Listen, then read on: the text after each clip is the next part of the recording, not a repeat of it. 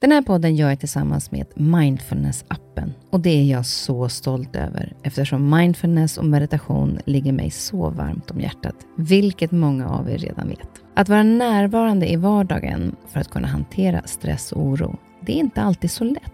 Då kan man ha mindfulness-appen nära till hands för att hjälpa dig när du behöver. För mig kan det vara så till exempel när det gäller sömnen, att vissa dagar då har jag riktigt svårt att komma till ro. Framför allt när det är mycket med jobbet. Då brukar jag använda mindfulness-appen och avsluta dagen med en avslappningsövning för att sänka stressnivån.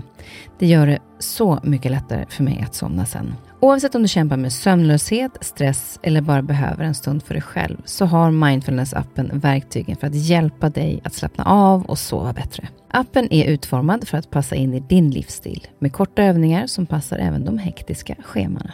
Som lyssnare till Nyfiken på så får ni 40% rabatt på prenumerationen av Mindfulness-appen. Länk till erbjudandet ja, det hittar ni i poddens Instagram, kaspersen nyfikenpa. Eller så går ni in på themindfulnessapp.com kristin. Mycket bra. Då så. Då är vi liksom redo. Jag tycker om att du sjunger upp fast vi ska prata. Mm, jag vet, men jag måste. Jag är så hes. Jag, jag har sjungit så mycket i veckan. Alltså min tallöst är det jag åker dit på. Om jag blir hes. Liksom. Det är inte att jag sjunger. Du, du blir hes när du pratar, men inte när du sjunger? Exakt. Hur kommer det sig? För jag har sämre teknik när jag pratar. Så jag måste egentligen prata så här. Hej! jag är så dålig. Jag är så roligt. Du lyssnar på en podd från Perfect Day. Veckans gäst är en av mina absoluta favoritartister som jag lyssnar mest på just nu. Det är Molly Hammar. Vilken succé hon gjorde i Så mycket bättre i höstas. Hennes låtar, hennes röst, alltså det är helt magiskt. Hon har ett enormt berättande, tycker jag, eh, både med hennes röst och texter och det är inbäddat i eh, musiken. Och Molly har också en personlighet som trollband mig under serien. Jag upplever henne ärlig, härligt uttrycksfull och stark, men samtidigt sårbar. Idag är Molly 27 år, men har redan en lång resa som artist, bland annat Idol, Melodifestivalen, hon är prisad på Rockbjörnen. Hon har även skrivit låtar till andra och körat bakom många artister, så hon har en erfarenhet inom artistvärlden, trots bara unga 27 år. Men på något sätt så känns det som att det är först nu som hon äntligen slagit igenom på riktigt i Sverige nu väntar en turné under våren, en egen turné, All My Friends, som just haft premiär samtidigt som Mollys nya singel släppts med samma namn, All My Friends alltså. Jag är nyfiken på hur hennes resa har varit. Att det så många år kämpat för att nu på riktigt bli erkänd och uppskattad. Hon verkar ha liksom envist stått på sig och med mod vågat gå sin egen väg. När hennes låt Ingen annan rör mig som du hamnade etta på Spotify-listan gick det inte att ta miste på hennes enorma lycka som hon visade på Instagram. Ja, Molly verkar inte vara den som förväntar sig någonting. När biljetterna släpptes till turnén då sa hon på Instagram att hon hoppades att publiken skulle vilja komma då det var tråkigt att stå där själv. Ja, en artist som verkligen kämpat för att nå dit där hon är idag. Välkommen Molly. Tack! Alltså, jag är ju så sjukt glad att du är här. Um, dels för att uh, jag har ju sett dig som uh, liten. Uh, ja. Dels, nu ska jag säga, dina kusiners mamma mm. var kompis till mig, eller mm. kompis till mig. Och din pappa, och både mamma och pappa, men framförallt pappa, har ju spelat väldigt mycket med min mamma genom ja. åren. I 20 år, Andreas. Mm. Eh, men sen har jag ju liksom ja, lyssnat eh, sönder. Jag känner när du kom upp och etta på Spotify-listan, tänkte jag, där har jag bidragit. That's me. Alltså jag fullkomligt älskar ju, och vi träffas ju på gymmet ibland, så jag har ju redan berättat att jag är helt kär i dig och dina låtar. Oh. Och det du gör. Så därför känns det jätte, jättefint att du är här. Men alltså, den fin. succén du gjorde i eh, Så mycket bättre, alltså, eh, har du landat i det än? Eh, har jag landat? Alltså, så gott som det går. Um, det är liksom en ny... Det är typ en ny verklighet som jag behöver sätta mig in i. nästan. Så. Också det, det är svårt att gå ifrån... Det är som att jag måste lite så omprogrammera mig själv eh, efter så många år av så krigande i motvind. Eh, att fortfarande kriga såklart. Alltså, krigandet slutar inte bara för att så här, råkar få en etta. Typ. Men, men det är ändå så här, det är medvind för första gången i mitt liv, typ. alltså i min karriär. Och den upplevelsen är ju så här, ganska surrealistisk egentligen. Att så här, man måste nästan omprogrammera liksom, kroppen lite i att så här, det har hänt väldigt fina grejer och komma ihåg det och liksom, på något sätt ha det i ryggen samtidigt som jag liksom, tar nya kliv framåt. Typ. Eh, men absolut, lite så här, jag är lite halvbakis från förra året ska jag säga, av känslostormar. För det är ju väldigt viktigt att också landa i att, eh, att det har gått så bra. För som du, har, du säger, vi kommer att komma in på det också, men du har ju verkligen krigat.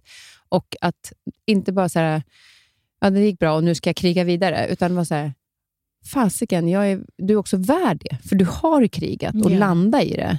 Men hade, kunde du någon gång under själva inspelningsperioden förstå vilken succé det skulle bli för dig? Nej, absolut inte. Alltså efter att jag hade gjort Ingen annan rör mig som du den första kvällen så vaknade jag upp på morgonen dagen efter och grät. Alltså floder och typ ringde min mamma eh, som, som hade väntat sig det här. Alltså hon visste att jag skulle ringa gråtandes. Så när hon svarade så började hon skratta lite. Alltså så här, för att hon bara Ja, jag visste ju att han skulle komma, men jag visste inte att det skulle hända så tidigt. Jag bara, nej men nu händer det. Och typ så här, för det var så mycket, vi förstod ju tidigt att det här skulle bli... Det var en pressad situation. Det var mycket som stod på spel och man hoppades ju att så här, alla låtar skulle tas liksom, emot väl. Inte minst av, liksom, av publiken, alltså folk som tittar på programmet, men, men även typ de som är där. Så. Och på något sätt den här kvällen när jag sjöng Ingen annan så, så upplevde jag att folk var extremt så här, blasé eh, till, alltså så här, reagerade ganska dåligt. Typ. och sen när jag kollade på programmet typ, efteråt, alltså jag fick ju bara släppa det där och då. För det var ju dag två. Typ. Så att jag var så här, men jag kan inte hålla på så här efter varje gång jag, jag gör en tolkning. För jag ska göra liksom fem till. um, så jag fick släppa den känslan av så här, otillräcklighet och bara, ah, skitsamma, nu, nu, nu skiter jag i hur de reagerar. Jag får bara köra på. Eh, och sen när jag såg programmet, då, då var jag ju så här, oh, shit vad jag hade fel. Om deras reaktion. Alltså Men det- vad tror du kommer sig att du, att du kände det då, då? Är det för att du har liksom krav på dig själv eller som du kände att liksom, "Nej, jag är otillräcklig? Nej, men jag, jag tror att jag, jag har blivit liksom skadad av eh, alltså på kommersiella program tidigare i mitt liv. Och när jag skulle gå in i Så mycket bättre, det är klart att så här, det fanns liksom flimmer av det kvar. Typ. Alltså en rädsla över att det inte skulle bli rätt eller inte eh, bli på det sättet som jag ville att det skulle bli. Eh, med det sagt så kände jag direkt att så här, produktionen var fantastisk och liksom, människorna där, det har liksom ingenting med det att göra. Det är bara typ lite så här, ja, men ändå måste få säga typ så här, trauma som har satt, eh, satt sig i kroppen lite så. Ehm, även om jag bearbetat det. Så att det är väl lite en blandning där av att så här, det var mycket som, som stod på spel. Eh, det var många som, som pratade innan programmet sändes om att så, här, så mycket bättre, det här, är din, det här är din tid nu Molly och så vidare. Och var skitgulliga och peppiga. Men jag, eh, jag tyckte det var väldigt jobbigt och typ läskigt. För att om det inte blev så som folk trodde att det skulle bli, vad skulle jag göra då? då liksom? Var det andras förväntningar mer än dina egna kanske? Ja, Ja. verkligen. Men, och samtidigt så är det jättesvårt att inte bli påverkad eh, liksom, med sina egna förväntningar med, med andras.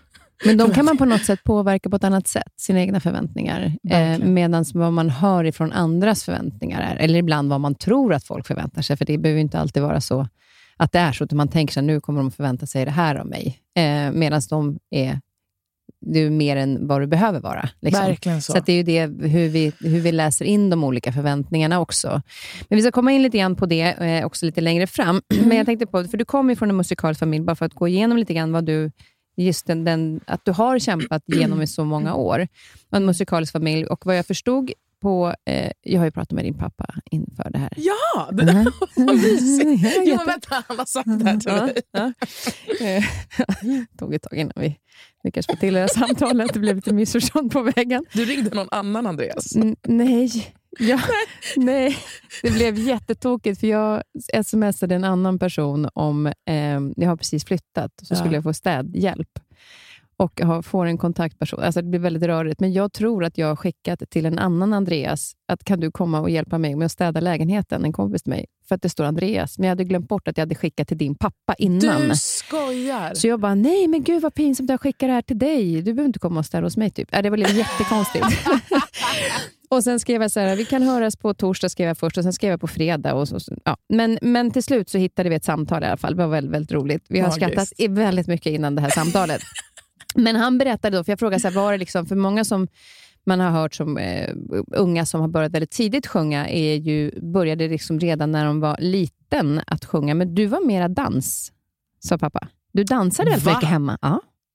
När du var väldigt liten eh, så var det liksom mycket mer att du var så här teater och dansade mycket hemma. Jo, men absolut. Alltså, jag, minns, jag minns att jag höll på att dansa och showade. Typ. Alltså så. Mm. Liksom, höll på att dansa runt där. Ja. Och, och sen, för sen var det ju också framförallt, för du kom ju, med, du kom ju in på Adolf Fredriks musikskola. mm, exakt. Och den sa han var en, eh, en väldigt... eh, Han, han upplevde det som att det var en väldigt viktig, eh, en, en bra skola för dig. Med dels att man, liksom, med sången såklart, men också acceptansen att vara den man är. mm. Hur upplevde du skolan? Alltså, ja, men precis. När jag var liten så, så var jag liksom mobbad typ eh, av eh, några specifika personer eh, fram tills att jag typ bytte skola. Eh, och det var, inte, det var inte enbart på grund av att jag blev mobbad. Alltså, för att jag eh, slog tillbaka ganska hårt mot de här personerna som mobbade mig. alltså så, jag, jag vet inte var den styrkan kommer ifrån. Jag, jag kan titta tillbaka och bara, fan vad cool jag var. Men också hemskt att jag skulle behöva gå igenom det såklart. Alltså så. Ehm, och det var främst då på min kropp som, som folk tog till. Då, Mm. helt enkelt. Men ehm, när jag fick höra talas om liksom Adolf Fredriks musikklasser så tyckte jag att det lät väldigt töntigt först att man skulle stå och sjunga liksom kör. Men jag hade ju verkligen börjat sjunga då och eh, eh tyckte att det var jätte, jätteroligt. Och det hade typ redan då börjat bli liksom en del av min identitet nästan. Och eh, därför så, så var jag så här, ja, men jag testar typ. Och, så när jag kom dit till den skolan då, då kände jag att jag, jag träffade liksom mina bästa vänner som jag har kvar än idag, vilket är helt sjukt. Molly och Emma. Eh, sjukt att vi heter samma sak, men ändå. eh, ehm, och eh, fick liksom äntligen liksom bli accepterad av folk som, som tyckte samma sak var, var, var roligt. Liksom. Mm. Och Det var ju där eh, som jag förstod också att man verkligen fattade vilken unik röst du hade. Eh, delvis det, för när första mentorsmötet med körledaren, så säger körledaren att, nu får du översätta det här, för det här förstår inte jag riktigt, men att, att du hade den längsta range. ja. Vad, vad betyder det? Omfång. Omfång. Mell, Han sa någonting mellan tonerna. Jag förstod inte riktigt. Hur kan du beskriva det? Ehm, ja, men alltså, pappa, jag orkar inte att han ska börja med liksom, musikteori. Mm. Eh, Men det, är ju- det, är så- för det, du hade till och med liksom, Carola var ju unik på sin tid, men du hade liksom tagit den. Alltså du var ju, ingen hade någonsin haft den mm. stora rangen, då, hur man nu säger. Ja, som du hade. Alltså precis, det, det, hela grejen är att jag kan sjunga väldigt lågt mörkt. Och även väldigt liksom, ehm, högt, alltså ljust. Mm. Just. Mm. Ja. Ehm, och att jag hade de två olika. Så att jag kunde liksom, eh, inom kör så finns det olika liksom, stämmor som man tar. Så det finns allt, eh, andra sopran och sopran. Eh, eller första sopran. Liksom. Eh, så jag kunde ju vara liksom, jag fick ju ta typ alla stämmor. Jag kunde liksom hoppa, hoppa emellan där helt enkelt. Hur coolt? Ja, men, ja fett coolt. Alltså. Verkligen. Men jag fick lära mig extremt mycket om den där. Och eh, även att liksom sjunga i kör och, och så vidare. Men, men det jag minns, me- alltså minns mest var ändå liksom den sociala delen. Att, att få bli liksom accepterad och, och tycka att musik och att, att leka runt är, är okej. Okay, liksom, typ. Och då blev, blev skolan också lättare, eh, alltså själva skolan, eh, att jobb, plugga. Eh, för att man har det här intresset. Man har både musiken och liksom det teoretiska i vanliga skolarbetet. Blev det liksom en lättare också kombination när man trivs otroligt bra i... Alltså motivationen hittas i det. För det Absolut. Alltså det, precis, absolut så. Jag tror att eh, på den här skolan så var det också väldigt hög liksom, prestationsnivå. Så att, eh, att, att liksom vara bra i, i liksom det teoretiska och liksom, ehm, svenska, engelska och allt det där. Liksom, det, det var väldigt liksom, det var typ coolt att vara det. så att jag kände att jag, jag försökte liksom hänga med där. Men med det sagt så har jag genom skolan så har jag typ alltid surfat lite på att jag, jag är enkelt att lära mig. Typ. Eller lätt att lära, lära mig saker och komma ihåg det. Och sen så glömmer jag bort det. Eh, och pluggar inte så mycket. Nice. ja, så jag, bara, jag är ett geni. Eh, Nej, men du, och jag hörde att du, alltså, för när du var med i Idol, då, det var ju första äh, terminen på gymnasiet som du fick dispens att inte gå, och den pluggade du bara in sen. ja, det var liksom precis. inget, vilket jag tänker att många säkert skulle gett upp, för så att ja, men jag skiter i gymnasiet för nu har jag en karriär på gång, jag vill göra det här. Men då pluggade du in ett helt halvår. Ja. ja, helt sjukt faktiskt. Väldigt, väldigt envis och väldigt eh, bestämd på att klara saker. Ja, Ja. verkligen. Men sen så sa, eh, förstod jag också att när, när man verkligen, när de i alla fall, dina föräldrar verkligen fattade liksom din, din styrka i rösten, så var det att du fick en födelsedagspresent när du var 12 år Ja, och spela in eh, en låt. På Sami hade de bokat en, en studio. just det. Ja, Ja. eh, och minns du vad som hände då? Att jag sjöng sönder mixerbordet. Ja, exakt. ja, jag sjöng alldeles för starkt. Så, Och, ja, och en, en mickmembran gick sönder och mixerbordet slog i taket. Och, eh, teknikern bara, vad, vad, vad är det som händer? 12 bast. ja. ja, det har varit... Eh, det, har funnits, det finns en punch. det har alltid funnits en punch. ja, det var mäktigt faktiskt. Det var, det var första gången som jag fick liksom sjunga in i en studio. Då var jag precis 12 år. Det var, ju, det var en viktig eh, upplevelse tror jag. Mm. Vad gav det dig att få, få känna den känslan, att få inspelat någonting som man själv har...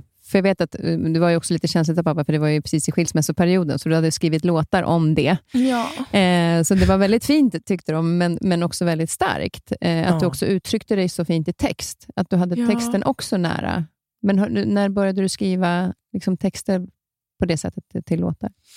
Ja, men det var när mina föräldrar skilde sig. Då, då kom jag ihåg att jag liksom eh, bara naturligt satte mig vid pianot. Typ. Även fast jag, inte, jag kunde inte spela piano. Jag hade liksom inte lärt mig på något sätt. Men jag bad pappa lära mig några liksom, utgångsackord liksom, ackord, typ, på pianot. Och sen så lekte jag runt ut efter det ungefär och började liksom, på engelska också, sjukt nog. Men så här, försöka Ja, men jag, skrev, skrev låt om min mamma och pappa och deras kärlek. och att så här, ja, men Saker kan ta slut. Och Sen så skrev jag någonting om att...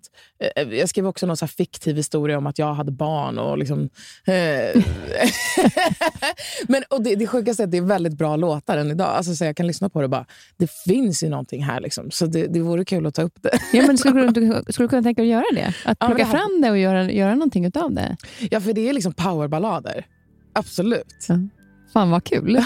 Då kommer jag lyssna nyfiket och se om den där dyker upp sen. Verkligen.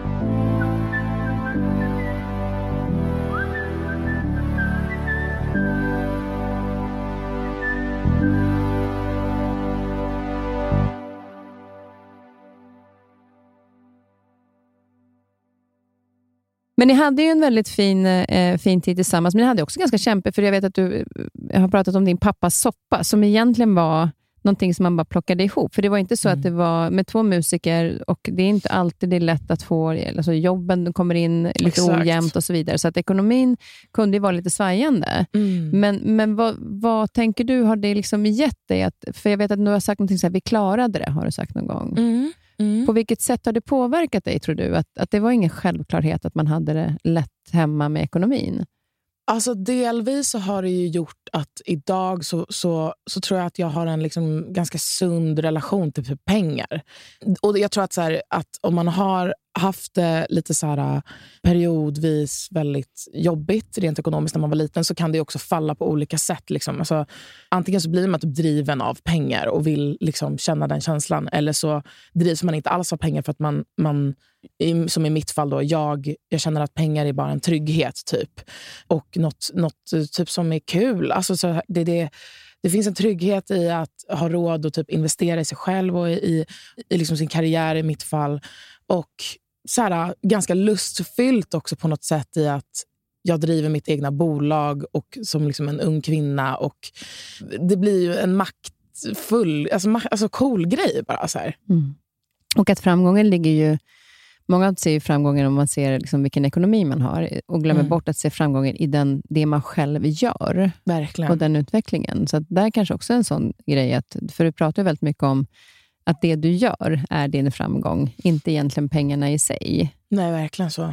Eh, och där någonstans är det ju med, med en, få växa upp i en musikalisk familj som har varit, det har varit väldigt mycket bland kända personer, så tänker jag när du började sen och sökte till Idol, Mm. så var det framförallt var det, var det behagligt och tryggt att du hade vuxit upp i den miljön när du sökte dig till Idol?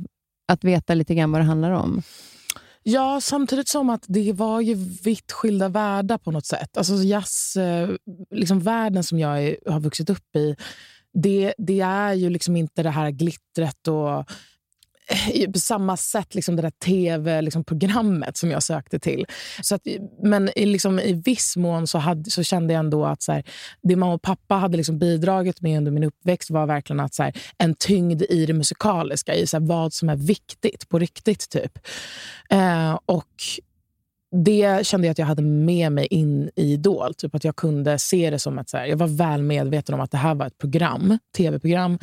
Eh, delvis typ ett popularitetsprogram. Typ. Så det, det, det är inte alltid vem som är...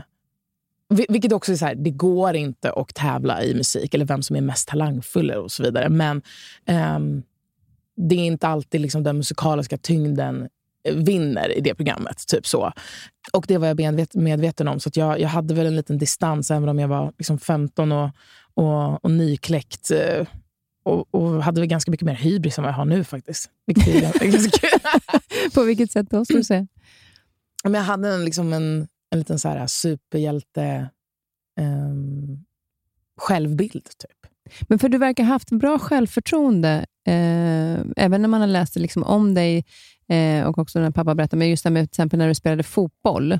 Då var det så här, var det en straff? Ja, men jag tar den. Alltså Ja. lite Zlatan, eh, liksom, eh, känslan i dig, att du är Mm. ganska trygg i det. Har du haft det med dig hela vägen? Den, den, den, det självförtroendet i att våga göra? Eller är det snarare mod? Ja, men precis. Jag tror att det är ett mod som ehm, har funnits med. Absolut. Sen så fick den sig liksom absolut en törn när alltså saker och ting förändrades. Jag förändrades eh, efter Melodifestivalen och att liksom, eh, på något sätt ha ett, en väldigt tuff tid efter det. Eh, där tror jag att det, det var någonting som hände med mig. och liksom, Inte nödvändigtvis kanske just med liksom mitt, mitt mod eh, att så här, våga göra saker, men självförtroendet Mm. liksom rubbades helt. Eller hela min värld rubbades lite så.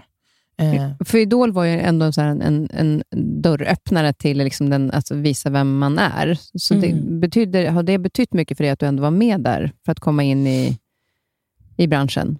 Ja, absolut. Alltså, det tror jag. Det, det är ju väldigt, eh, jag har, jag har liksom så blandade känslor kring, kring båda de koncepten. såklart. För att så här, det, Man är väldigt ung när man går in i Idol, ofta. Alltså så, och eh, Det är väldigt få som, som pallar med liksom, efterdyningarna av Idol. Och att liksom, lamporna på något sätt släcks. Och, eh, man får en, en liten så falsk bild av hur verkligheten ser ut eh, när man är med i det, i det programmet. Och orkar man inte liksom omformulera eh, saker och ting efter det här programmet har sänds, då tror jag att man får det väldigt tufft. Vilket jag vet att många i min liksom, omgång fick också. Typ, och var så här, ah, jag gör något annat bara, lägger ner. Typ. Men om, om de inte hade varit med så kanske de skulle ha hållit på idag och hittat fått tid att hitta sin egen grej och så vidare. Det hade inte blivit lika liksom, högt fall, för det blir det. Liksom, det blir ett, ett, ett högt fall efter Idol.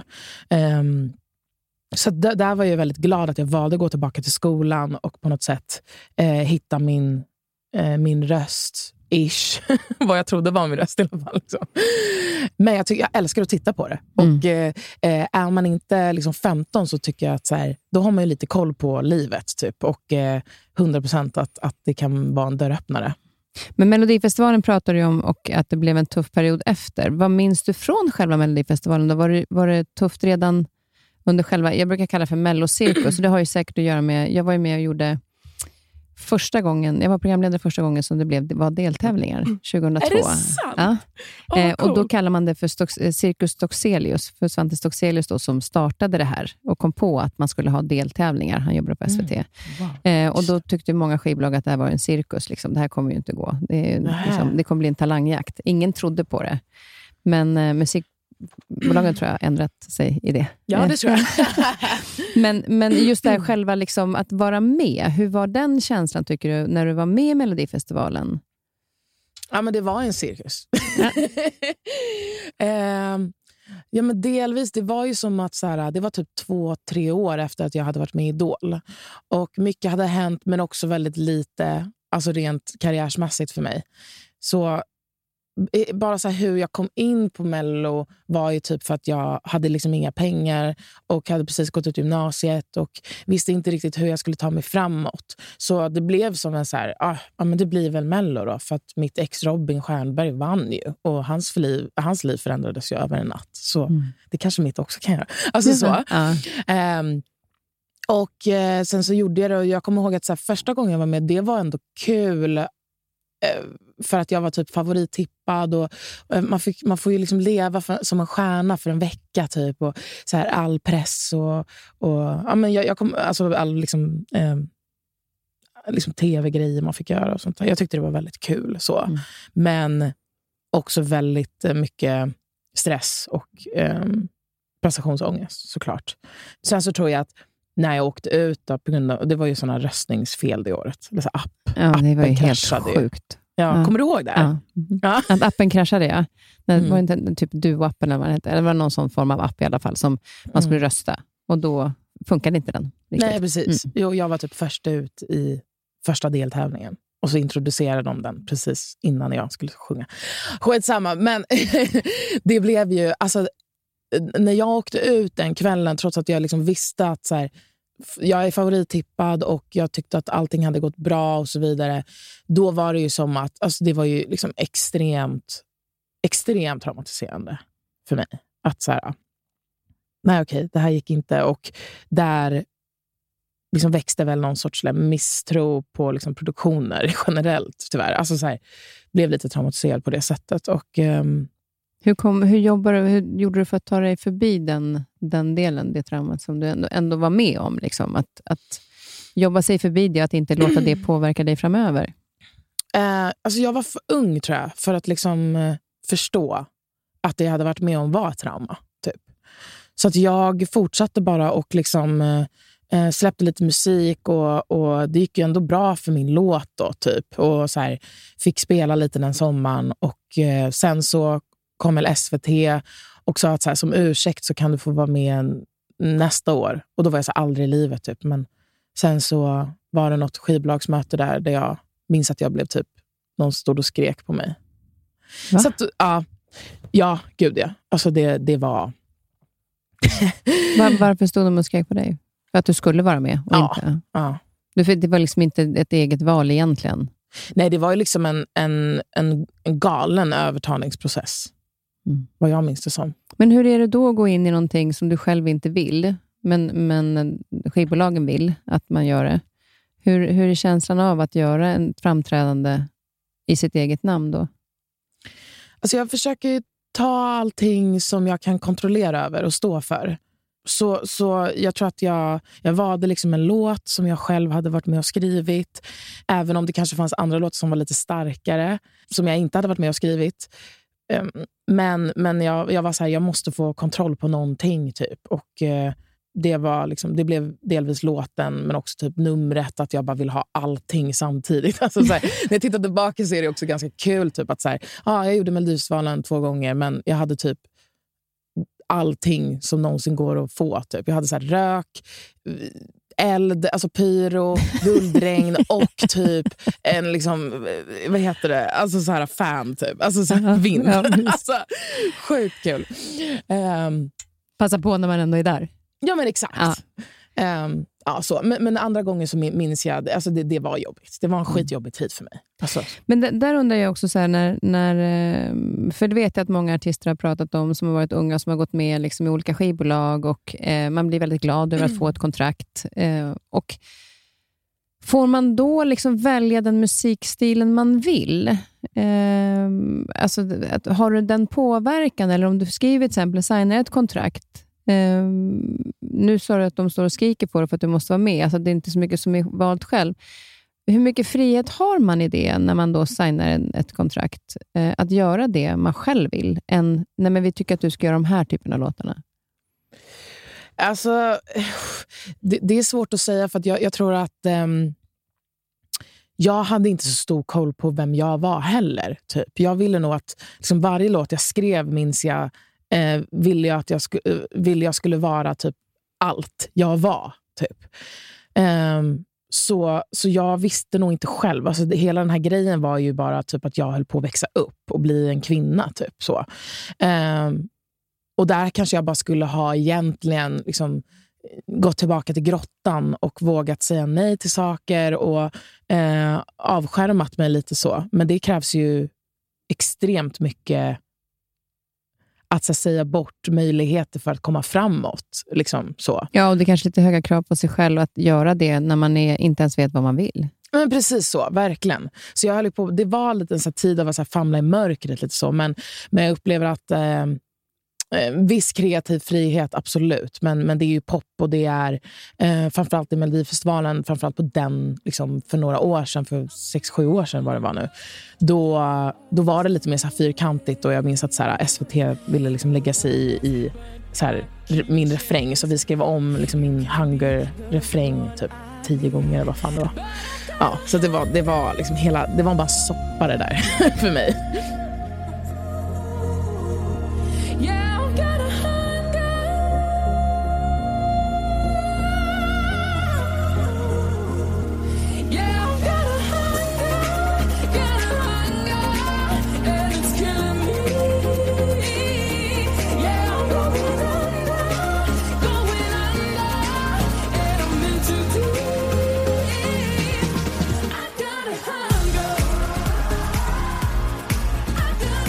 Men kan du se att det har varit en... Eh, det har ju hänt och det har ju liksom, den tiden, det är ingenting man kan förändra, men kan du känna att du då har tagit med en erfarenhet därifrån som, som har fått dig kanske att växa eller, eller ännu mer kanske tänker på att nu vill jag verkligen stå för det jag gör på ett annat sätt idag, med den erfarenheten? Har det mm. gett dig någonting också? Eller har det mest varit bara liksom en traumaperiod? Ja, Nej, jag skojar. nej, men, nej, men så här, det, det, alltså självklart. Alltså jag, jag tycker att det finaste som finns är eh, en person som har liksom, så historier att berätta och varit med om grejer. Och Det har ju, eh, även om det kan vara vissa liksom ärr i mig ifrån den tiden så, så har det bidragit till att jag har saker att berätta och jag har varit med om grejer. Mm. jag har gått fel, jag har liksom famlat i mörkret och på något sätt så tagit mig ur det. Det jag tror är perioden efter, liksom, när, när jag blev, sen blev liksom droppad av skivbolaget för att det gick dåligt då, i Mello. Um, den, det, var, det var den viktigaste perioden i mitt liv. På vilket sätt då? Uh, för där hittade jag liksom, där hittade jag min röst. Mm. Alltså där hittade jag på riktigt vad, eh, vad jag ville göra och på något sätt eh, började forma den personen där, som jag är idag och den artisten som jag är idag. Var det då du var på Gotland och gick runt och kom mm. tillbaka till pappa och sa, nu vet jag vad jag vill göra? Ja.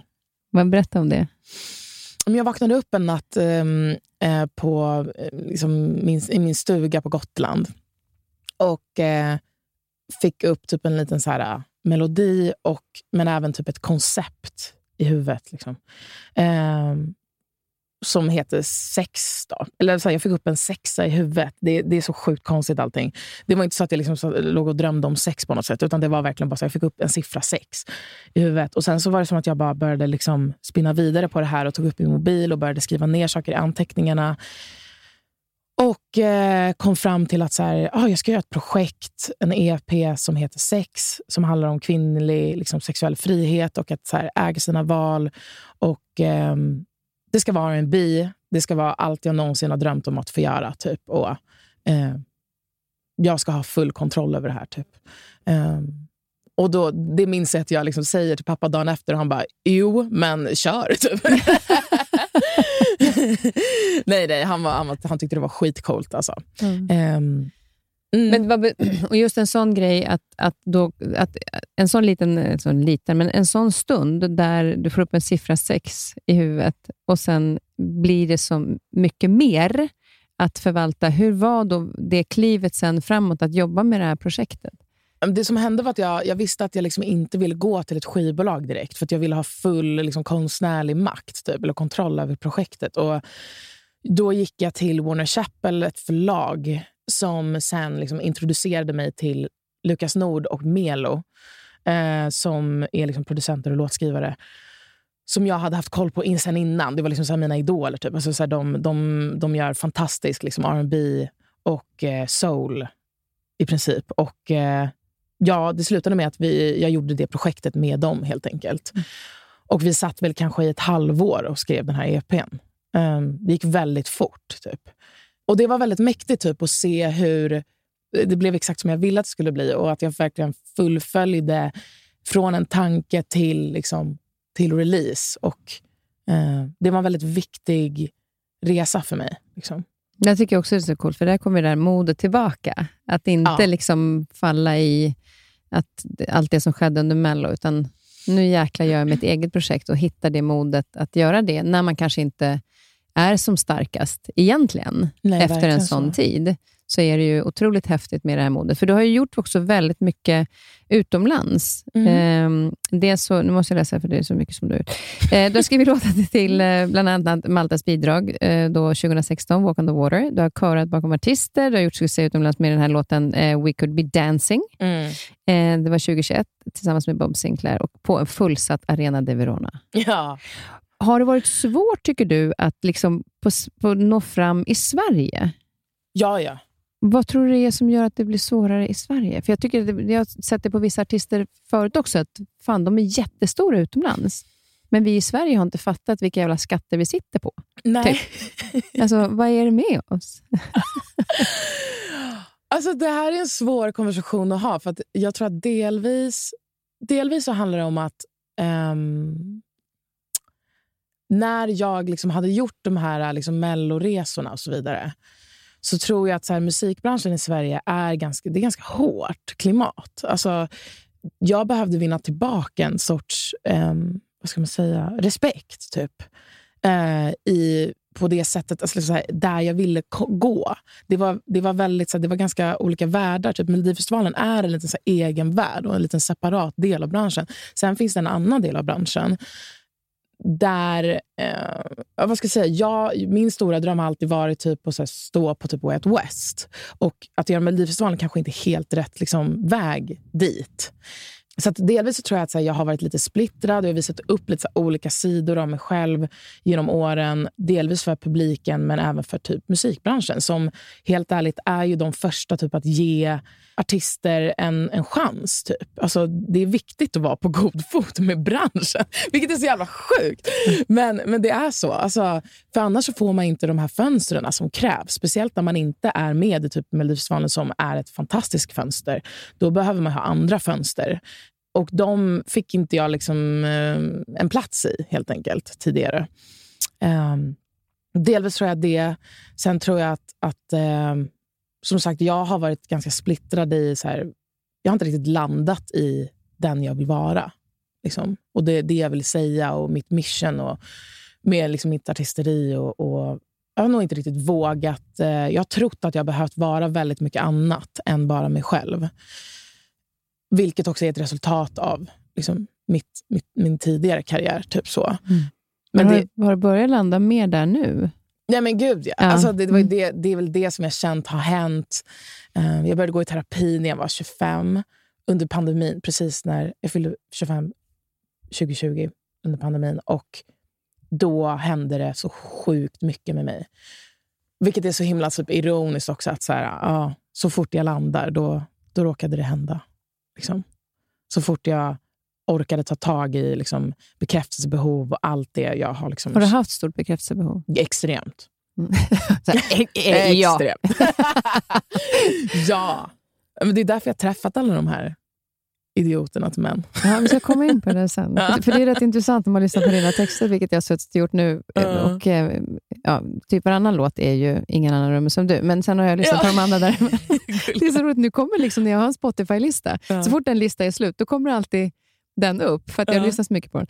Eh, men, men där någonstans så är det just det att hitta då tillbaka till den man själv är och att, att eh, ha det modet. För sen fick du ju faktiskt också Rockbjörnen. Verkligen. Ja, 2020. Ja. Vad betyder det? Det var alone. Ja, det, be, mm. det betyder jättemycket. Rockbjörnen var ju så här, det är också att fansen på något sätt röstar fram mig. Till, alltså det, är bara, det är fantastiskt att känna den backningen. Det var jätteviktigt. Liksom. Ja, men precis. Alltså så här, att det har varit svårt för mig i Sverige. Det är så här, ja, kommersiellt så kanske det har varit tuffare liksom att, att verkligen slå igenom. Men det är ju för folk. Det är jättesvårt att och liksom kommersiellt få, få ett brett genomslag.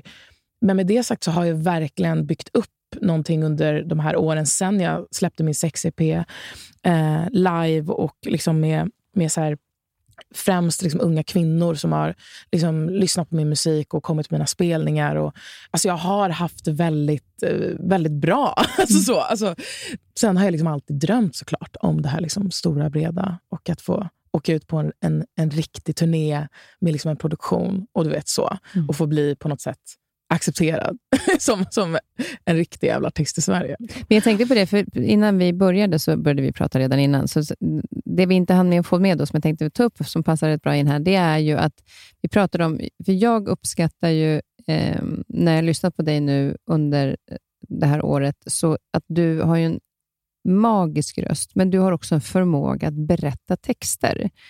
Och att det tycker inte jag alltid är vanligt. Jag tycker många sjunger sjukt bra, men jag tycker inte alltid att de når fram med sitt berättande av text. Nej.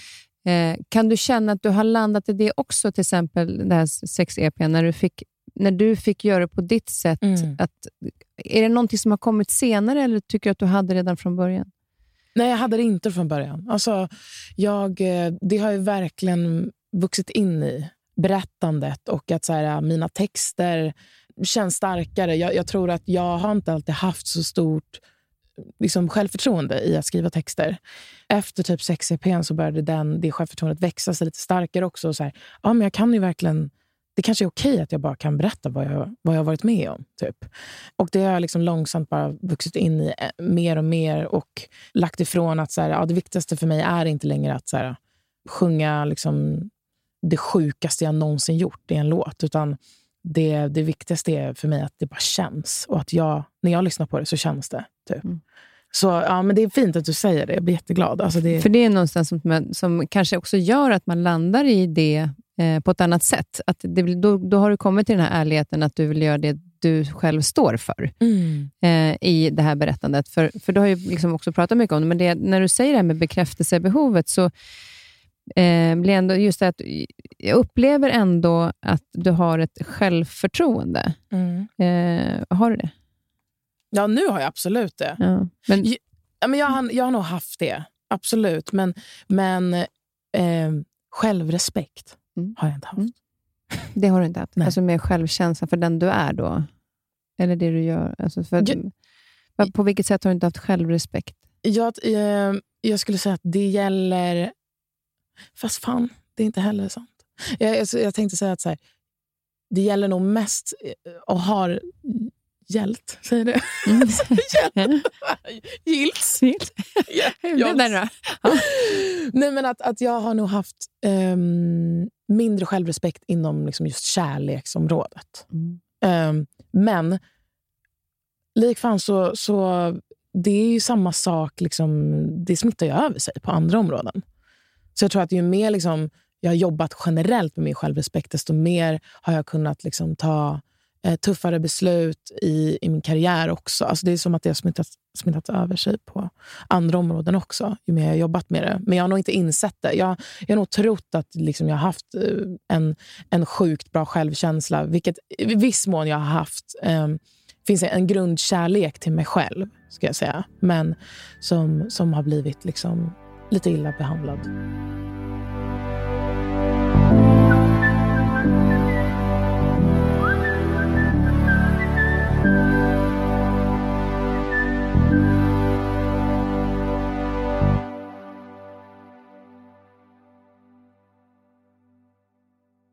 Ja, för om man lyssnar på, på flera av eh, dina låtar, så eh, I'll be fine, Hunger, Alone eh, och min favorit, eh, Ingen annan rum som du, mm. Eh, så är det ju verkligen tydligt att det handlar ju om, om eh, men lite struligt i kärlekslivet, kan man minst mm. säga. Vad va, va är det liksom, har, de inte varit, har de inte varit snälla, eller har du inte varit snäll mot dig själv? Båda. Mm. 100 procent. Mm. Alltså jag tror att det hände ju någonting med mig liksom, när jag växte upp där liksom runt 2018, 2017 när jag liksom blev, gick in i något sorts vuxenliv. Typ. Och det, det grundar sig i, liksom, eh, i att jag, jag trodde, eh, eftersom att jag blev mobbad när jag var liten och liksom alltid känt att jag har varit större och så vidare. Eller jag är liksom en curvy, curvy woman, eh, vilket jag idag liksom totalt älskar. Och jag har på något sätt aldrig ogillat det med mig själv. Men jag tror att så här, mäns syn och liksom samhällets syn på mig och min kropp har, har är svårt att och liksom inte bli färgad av. Eh, så det som hände var väl att, att jag märkte att så, ah, jag, kan, jag, jag kan börja få killar nu. typ. och, och att eh, där växte det sig typ ett, ett bekräftelsebehov. Eller det växte fram ett bekräftelsebehov som jag inte riktigt hade haft innan. Eh, som försatte mig i ganska jobbiga situationer helt enkelt, och relationer. Hade du svårt att, eh, för om man lyssnar på några av texten så känns det som att liksom, det är ett spel som pågår, men, men det blir aldrig. Exakt så. Eh, och jag klarar inte av att kliva ur det. Nej. Eh, men, och Vad tror du svårigheten ligger i att kliva ur det? Delvis typ att acceptera att acceptera att man inte har kontroll över den här situationen. Liksom och aldrig kommer kunna kontrollera den andra människans val eller, eller liksom varelse. Typ acceptera ett nederlag eh, och att eh, eh, acceptera ensamhet. Kan du känna dig ensam ibland? Ja, absolut. Det har varit en, en central känsla genom åren. Du känner dig mer ensam även och inte själv? För att själv kan man ju säga till exempel att jag lever själv, men jag känner mig inte ensam. Men sen ens, att känna sig ensam, det kan man också göra i relationer i och för sig, men, men att känna sig ensam, den är ju extremt jobbig. Verkligen. Um, men, men kan du också se, så här, jag känner mig ensam, men jag vet att jag inte är ensam? Ja, precis. Jag har förstått, liksom, det är klart att jag förstår logiskt att jag inte är ensam någonstans. Men, men den, liksom, den mörka känn, alltså den mörka liksom färgen typ, som, som, jag, som jag tycker liksom ensamhet har varit för mig, den, den har verkligen varit liksom, um, tuff typ, att hantera. Och det, det, det var också en av de anledningarna till att jag, jag ville börja gå i terapi igen. Typ, att så här, ja, men jag, känner mig, jag har känt mig ensam. Typ, bara så. Och i, i, vare sig det är att så här, ta beslut som är karriärsmässiga och att så här, inte gå ut med mina kompisar. typ. Och att vara hemma och känna sig ensam. Men jag måste ta de här besluten för att annars kommer jag typ inte kunna sjunga imorgon. Eller, så här, eh, eller att folk är i relationer och eh, jag är inte det. Och det har varit jätte... Den känslan också ensamhet. Att så här, inte känna sig, känna sig connectad med någon. Eller, frilanslivet är ensamt. Alltså det, det har varit en väldigt så här, central känsla bara. helt mm. enkelt. Och den, den eh, påverkar just den här... Det blir ju som att också när man lyssnar på texten i alla fall, så får man den upplevelsen. Nu vet inte jag om det är, för det är ju bara så, man kan också relatera till vissa saker själv. Mm. Det är ju... Jag har tidigare till exempel varit rädd för att inte bli vald. Eh, Verkligen. Eh, och Då kan jag ju hellre välja bort först, för att jag inte vill hamna i den situationen, blev det till slut. Att jag valde nästan bort innan de ens hann välja. Just det. typ. mm. Men att, att, att, har det också varit en rädsla, att inte bli vald? Hundra procent. Alltså övergivenhet, liksom... Eh, eh, ja, att känna övergivenhet, det, det är absolut eh, någonting som jag har brottats med också. Jag, jag är mer så att jag, blir mer, jag har blivit krampaktig när jag känner att den här personen inte ger mig samma tillbaka. Så är det som att jag bara för, har försökt ännu mer för att liksom försöka kontrollera situationen. Eller liksom, det har varit mitt försvar på något sätt. Att så här, ja, men då gör jag ännu mer till dig som inte förtjänar det. Exakt. Ja. Du förtjänar inte, men jag gör, men jag gör, det. Men jag gör ändå. Ja. Ja. Men du har också beskrivit, när jag läste i en intervju i Café, mm. så eh, beskrev du kärleken på ett så otroligt fint sätt. För då frågar frågan, hur känns kärleken? Minns du vad du svarade? Som en kram. Som en varm kram. Som att någon värmer ens själ? Ja! Alltså, Som jag att... bara, ja, precis så. Kände, alltså, när jag läste det så blev mm. jag för det blir det är själen, alltså det, det värmer ända in mm. på något sätt. Men har du, har du också fått uppleva den känslan av en partner? Eh, ja, nu gör jag det. Nu gör jag det. Bra. Ja. Det är det viktigaste. Ja. Men, mm. men jag har ju precis... Alltså, jag tror att jag alltid haft en väldigt så här, tydlig bild av vad kärlek är. Ehm, och jag har någonstans vetat att de här personerna som jag har träffat, de kommer inte ge mig det. Eh, så det, det jag har känt under de här åren är, är någon sorts av någon typ av liksom besatthet mer än kärlek. Men kan inte, jag, jag funderar på det där, varför, varför eh, jag vid tillfällen, eller, eller också när jag pratar med kompisar, när man liksom inte riktigt kan släppa den som man faktiskt, liksom så här, men nu, nu kör inte vi längre. Nej, Utan- precis. Men, och är det inte riktigt ens egen, så kan man liksom inte släppa det. Men då blir jag så här, men jag har ju för fasiken ingen annan att tänka på. Just det. Och då blir det att det var den senaste, så då går jag och tänker på den personen. Tills Mm. någon annan dyker upp kanske, för någon vill jag ju tänka på. Så då har det blivit att liksom man fastnar kvar lite grann i den som var senast, för det är det senaste minnet jag har av kärlek. Absolut. 100 procent. Och det, därför blir det ju ännu svårare att kunna släppa taget Mm. känslomässigt, fast man egentligen kanske till och med är klar. 100 procent. Men någon jäkel ska man väl tänka på. Man- Men Eller? jag, tror att, men jag tror att det är där, det är där vi eh, tänker fel. typ. Absolut, jag är Eh, så med dig. Och så här, Vi har haft den här konversationen med så många andra också. Att så här, eh, inklusive mig själv. att så här, ja, men Någon måste jag ju tänka på och då är det så sjukt lätt att falla tillbaka till den senaste personen som man, man har tänkt på. Jag tror att så här, det, det mest ironiska är väl att så här, det kommer... Kärlek kommer när vilket jag är helt jävla övertygad om, för det till och med hände mig. Liksom. Men när, när man eh, är okej med att inte tänka på någon annan. Typ. Att så här, det är verkligen så här, jag är helt fine med att gå och liksom ha ett liv eh, som är liksom välfungerande och eh, är glad, jag har mina kompisar. Alltså, att man fyller livet med annat typ, och, och släpper förväntningarna helt på att eh, någon ska komma och liksom på något sätt rädda en eller liksom rädda någon. mm, Så här, ha någon att bara att ha någon att tänka på. Typ. När man släpper de tankarna, det, det är då man liksom ger plats för någonting som är på riktigt tror jag. Och bli, bli bekväm med, med, med på något sätt med, med att vara själv. Ja, exakt, och Ja. inte ensam. Nej, utan man är precis. själv. Och där någonstans är det också så att jag, ehm, eh, nu har jag kommit tillbaka till det flera gånger, men Johannes Hansen var ju här och, ehm, fråga, Ja. ja. och han frågade mig vid ett tillfälle, så här, ja, men vad vill du ha för, träffa för typ av man? Jag bara, men jag vill typ ha lugn och ro. Alltså en trygg, lugn, rolig kille. Ja. Och när jag säger lugn, då säger han ju bara, det kommer inte hända. Jag bara, varför inte det? Han bara, nej, därför att du är inte bekväm med lugnet. Du har ju alltid saker som händer. Oj, wow. Alltså, det är ditt liv, ditt yrkesliv, ditt privatliv. Allt det, det, du, du är, där är du hundra, mm. supertrygg. Men i lugnet är du inte det. Och Då insåg jag ju att det stämmer, jag måste bli, vill ju bli bekväm i lugnet själv. Men sen kom jag på att jag sökte ju någonting hos någon annan som jag saknade i mig själv. Exakt. Att det är så lätt att vi tittar efter den här, den här personen som ska ha det där som jag själv egentligen behöver. Mm. Och Då tyckte jag att det blev lätt att säga, nu jobbar jag ju och riktar den, den liksom, sökandet efter lugnet riktar jag inte utåt. Jag riktar Nej, det precis. inåt. Att det handlar så. ju om mig. Mm. Jag behöver lugnet. Sen behöver jag kanske inte träffa någon som är lugn heller. Nej. För jag är det. Förstår du vad jag menar? Att, det, Verkligen. att man landar i det. Och Det är lite grann det du pratar om. Att släppa det som man söker utåt, utan Mm. vara i det. Man är fine med, jag är den jag är och jag har mina vänner och jag har min familj. Men, men att landa i det. Och då är man då uppenbarligen redo att träffa någon. Mm.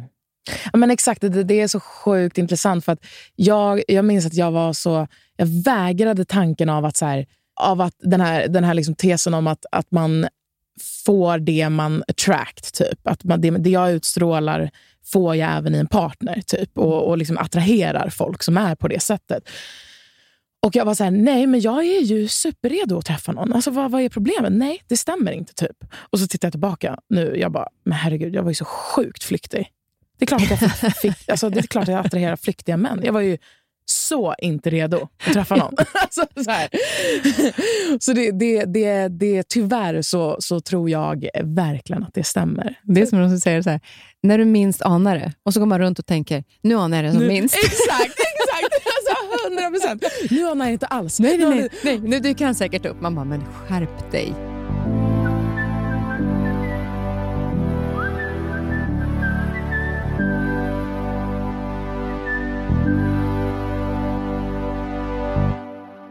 När det här sänds, då har du, du har haft premiär sedan två dagar tillbaka. Som jag ska gå och titta då på sin Ska du det? Ja, oh my. God, vad kul. Så jag önskar att jag kunde sitta så här. Mm. Fan vad bra det här är. Förmodligen, jag vet att jag kommer göra det, eftersom jag tycker så mycket om det. Men det är lite svårt att säga, eh, re- referera till någonting som inte har varit än, eftersom vi spelade in det lite tidigare. Mm. Men, men då la du ut så här när biljetterna släpptes, Mm. och så är det liksom ödmjuka Molly som bara, det vore jätteroligt om ni ville komma, för det är tråkigt att stå där själv. Och jag bara, nej men alltså... Och då blev jag så här, eh, och vilket jag också frågade din pappa, så är det liksom självförtroendet eller är det att du inte förväntar dig någonting? Att jag inte förväntar mig. Ja, precis. Ja. Ja. Och det, men du har aldrig gjort det, sa han. Att du Nej. förväntar dig inte saker. Ja, vad fint. Det, det, det tar jag som en liksom ändå komplimang. För att jag tror att då blir man ju... Då blir saker väldigt mycket roligare. Alltså det här har jag och Benjamin alltså, pratat väldigt mycket om i Grosso. Att, så här, att alltid bara hålla nere... Eh, alltså bara så vara. Det handlar inte om att så medvetet bara så trycka ner förväntningarna. Utan så bara vara. Och sen så kommer man bli positivt överraskad vad det än, som, vad det än är som händer. på något sätt.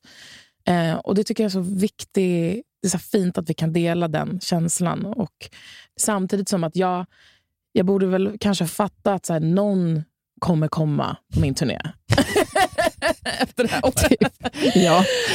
Men, men jag, jag vet inte. Jag tror att så här, alla de här åren, det, det, alltså, efter alla år som jag också på något sätt har blivit Eh, även om liksom, förväntningarna inte varit nödvändigtvis höga så har det varit eh, liksom, ändå så besvikenhet ibland. Alltså känslan av att bli besviken och eh, över att det inte liksom, gått som jag liksom, har önskat på något sätt. Och, ehm, det, det är ändå liksom en bra så här, utgångspunkt att ha, tror jag. Ehm, att så här, ja. Det, det jag är säker på är ju att det här kommer bli fantastiskt. så att, nej, självförtroendet är det liksom inget fel på. Jag nej, men det ska bli fantastiskt, fantastiskt kul. Och Jag liksom går omkring och lyssnar på de här låtarna som vi ska spela. Och Det är nya arr och det är en, det är, det är en show. Liksom. Det är min första show typ, som jag får sätta upp. Och, ja, så att jag är liksom själv bara så här, jag, jag vill ju att så många ska komma som möjligt. Alltså, men inte, inte så mycket för min skull, som mest liksom för, för att jag vill att andra ska uppleva. Exakt. Den uh, singeln då, berätta om den, All My Friends. Jag älskar den.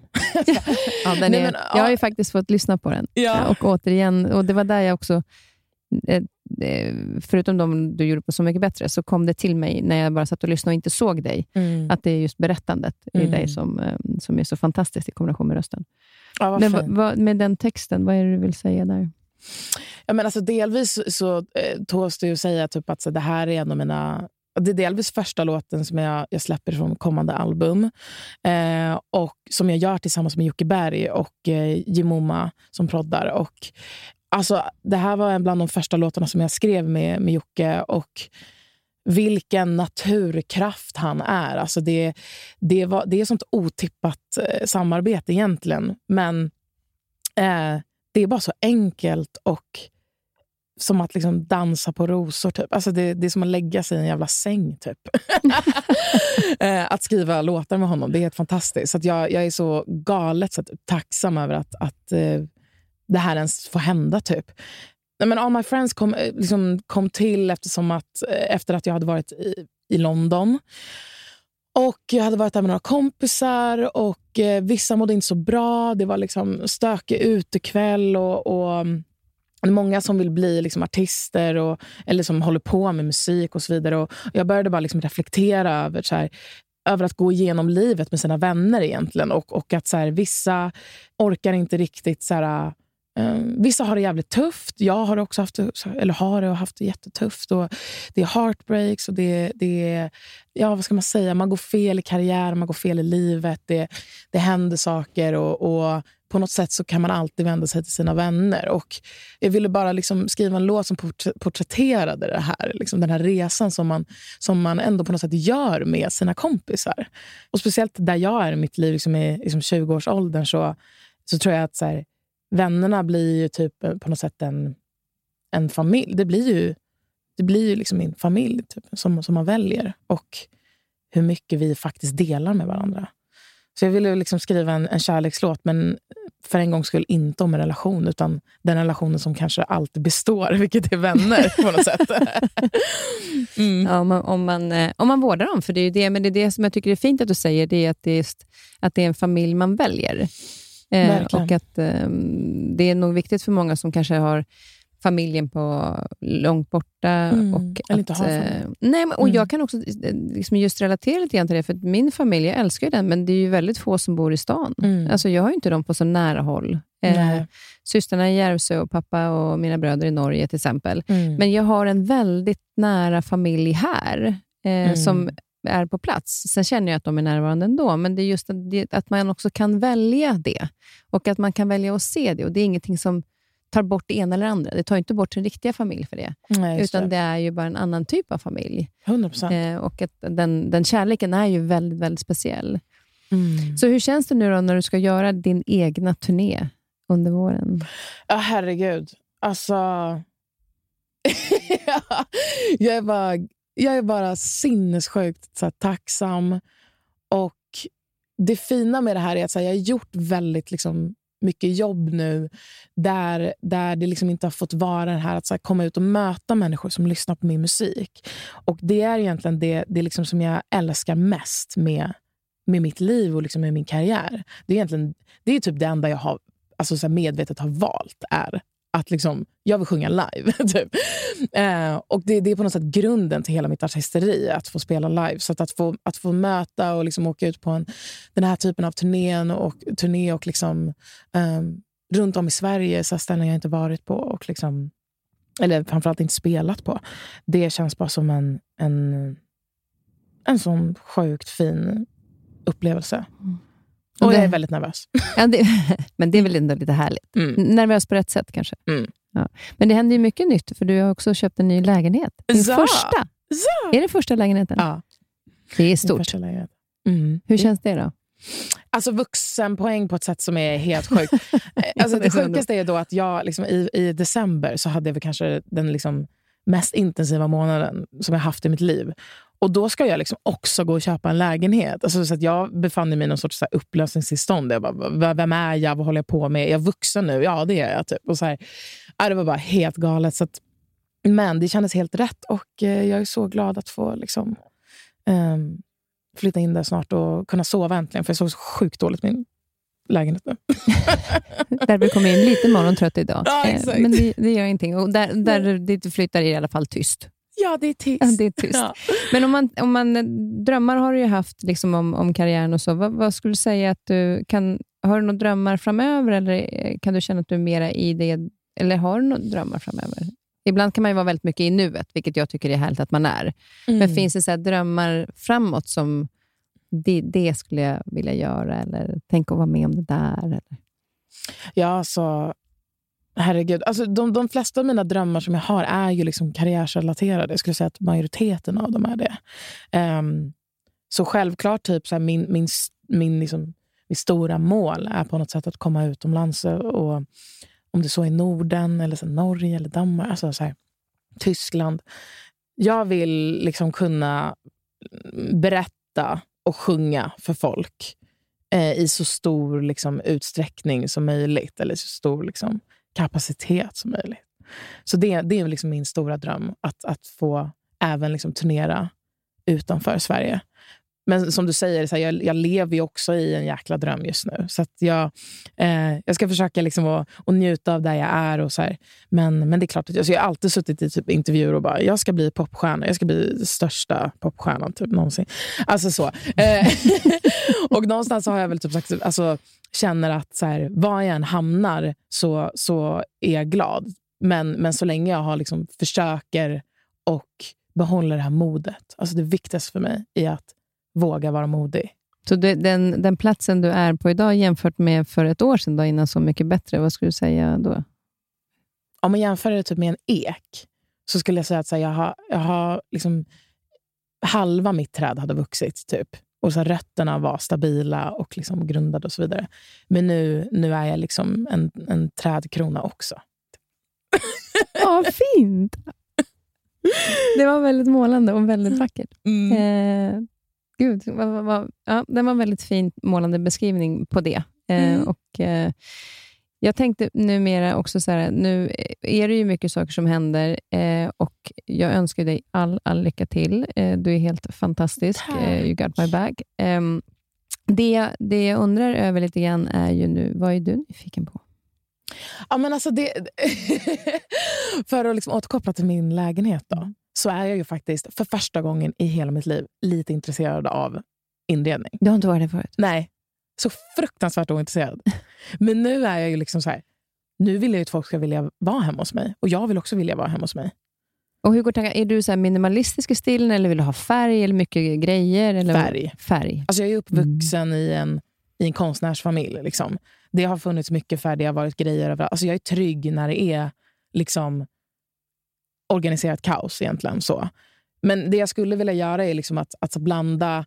Um, men jag skulle liksom vilja ha typ så här, en, en väldigt så här, clean, så här, vit vägg, så, men, men kunna ta in väldigt, alltså så här, färgglada inslag. Typ. Men jag vet liksom inte var jag ska börja. Alltså, det är det som är mitt problem. Typ att så här, eh, hur hit, ska jag börja följa inredningskonton på Instagram? Alltså, så här, jag förstår inte riktigt hur man, man börjar. Ja, men eh, det, det jag tycker är kanon, det är ju Pinterest. Ja, Pinterest, ja. För då kan man hitta så här, den här stilen gillar jag, så går man in på den stilen och så sparar man ner en bild. Och Sen dyker det upp andra saker som passar in i det. Just det. Och så kan man hitta, så där, jag, jag har så här, ehm, typ badrum, kök, eh, vardagsrum. Ja, men grymt. Och Sen så kan man liksom plocka därifrån och så kan man hitta liksom så här, men den där färgen gillar jag i kombination med det där. Det var Just coolt. det. Och Då kommer det bara upp mer och mer förslag. Så att man, Pinterest knarkar ju ett tag. Eh, men, men- sjukt roligt är det. Och Sen blir det Bra. inte kanske riktigt så som, som man har tänkt sig. Men man får ändå liksom en liten tycker jag, hjälp på vägen och inspiration. För det är så svårt. Det är som du säger, var ska man börja kolla någonstans? Det det. Men där får man lite i alla fall hjälp på vägen tycker jag. Och så kan man liksom ha sina olika mappar med liksom, sov, eh, kanske så här, men hur ska jag liksom, i sov, om man har ett sovrum eller sovdelen eller jag vet inte hur, hur stort du bor. Men det är ju så himla enkelt att få den eh, hjälpen via Pinterest. Så Mm. eh, det är en, eh, en litet tips på vägen. Men du, eh, nu ska vi avsluta med en liten låt. Ja! Ja, vilken vill du avsluta med? Oj, får man välja sig själv eller? Ja, du får välja själv. Ja, men då, eller då väljer jag min, min egna. All Mm. Du, my du, får, du, du får välja precis, det tycker jag absolut Ja. du ska göra. All my friends. Ja. Eh, men då avslutar vi med den. Och Mm. eh, Stort lycka till under den här turnén och framöver. Tusen Eh, med glädje ser vi fram emot alla dina låtar och eh, ditt berättande. Åh, fin du. Tack Tack för att jag fick komma. Here's to all my friends. Kommer in nu. I came and went. All the bruises that we tried so hard to hide left a scar for life. It matters. Here's to all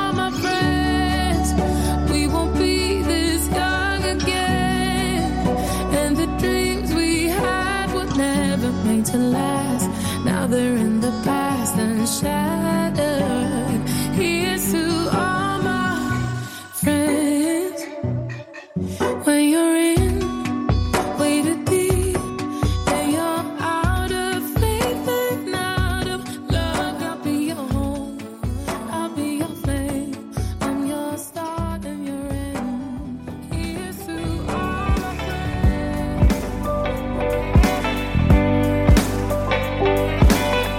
Veckas avsnitt träffar jag artisten, designern, producenten och grundaren av After Dark, Christer Lindholm, som i dagarna precis fyllt 70 år. Vi pratar om hans liv som har varit fyllt med shower, hans skapande, möten med härliga människor, men också en hel del sorg. Jag har känt Christer så länge jag kan minnas, då han jobbade med min mamma och också var en fin vän till henne. Han har ett så stort hjärta, en kreativitet utöver det vanliga, arbetsmyra, som samtidigt säger han att han är väldigt glad. Ja, och den kombinationen och mycket annat är jag nyfiken på. Så missa inte nästa veckas avsnitt.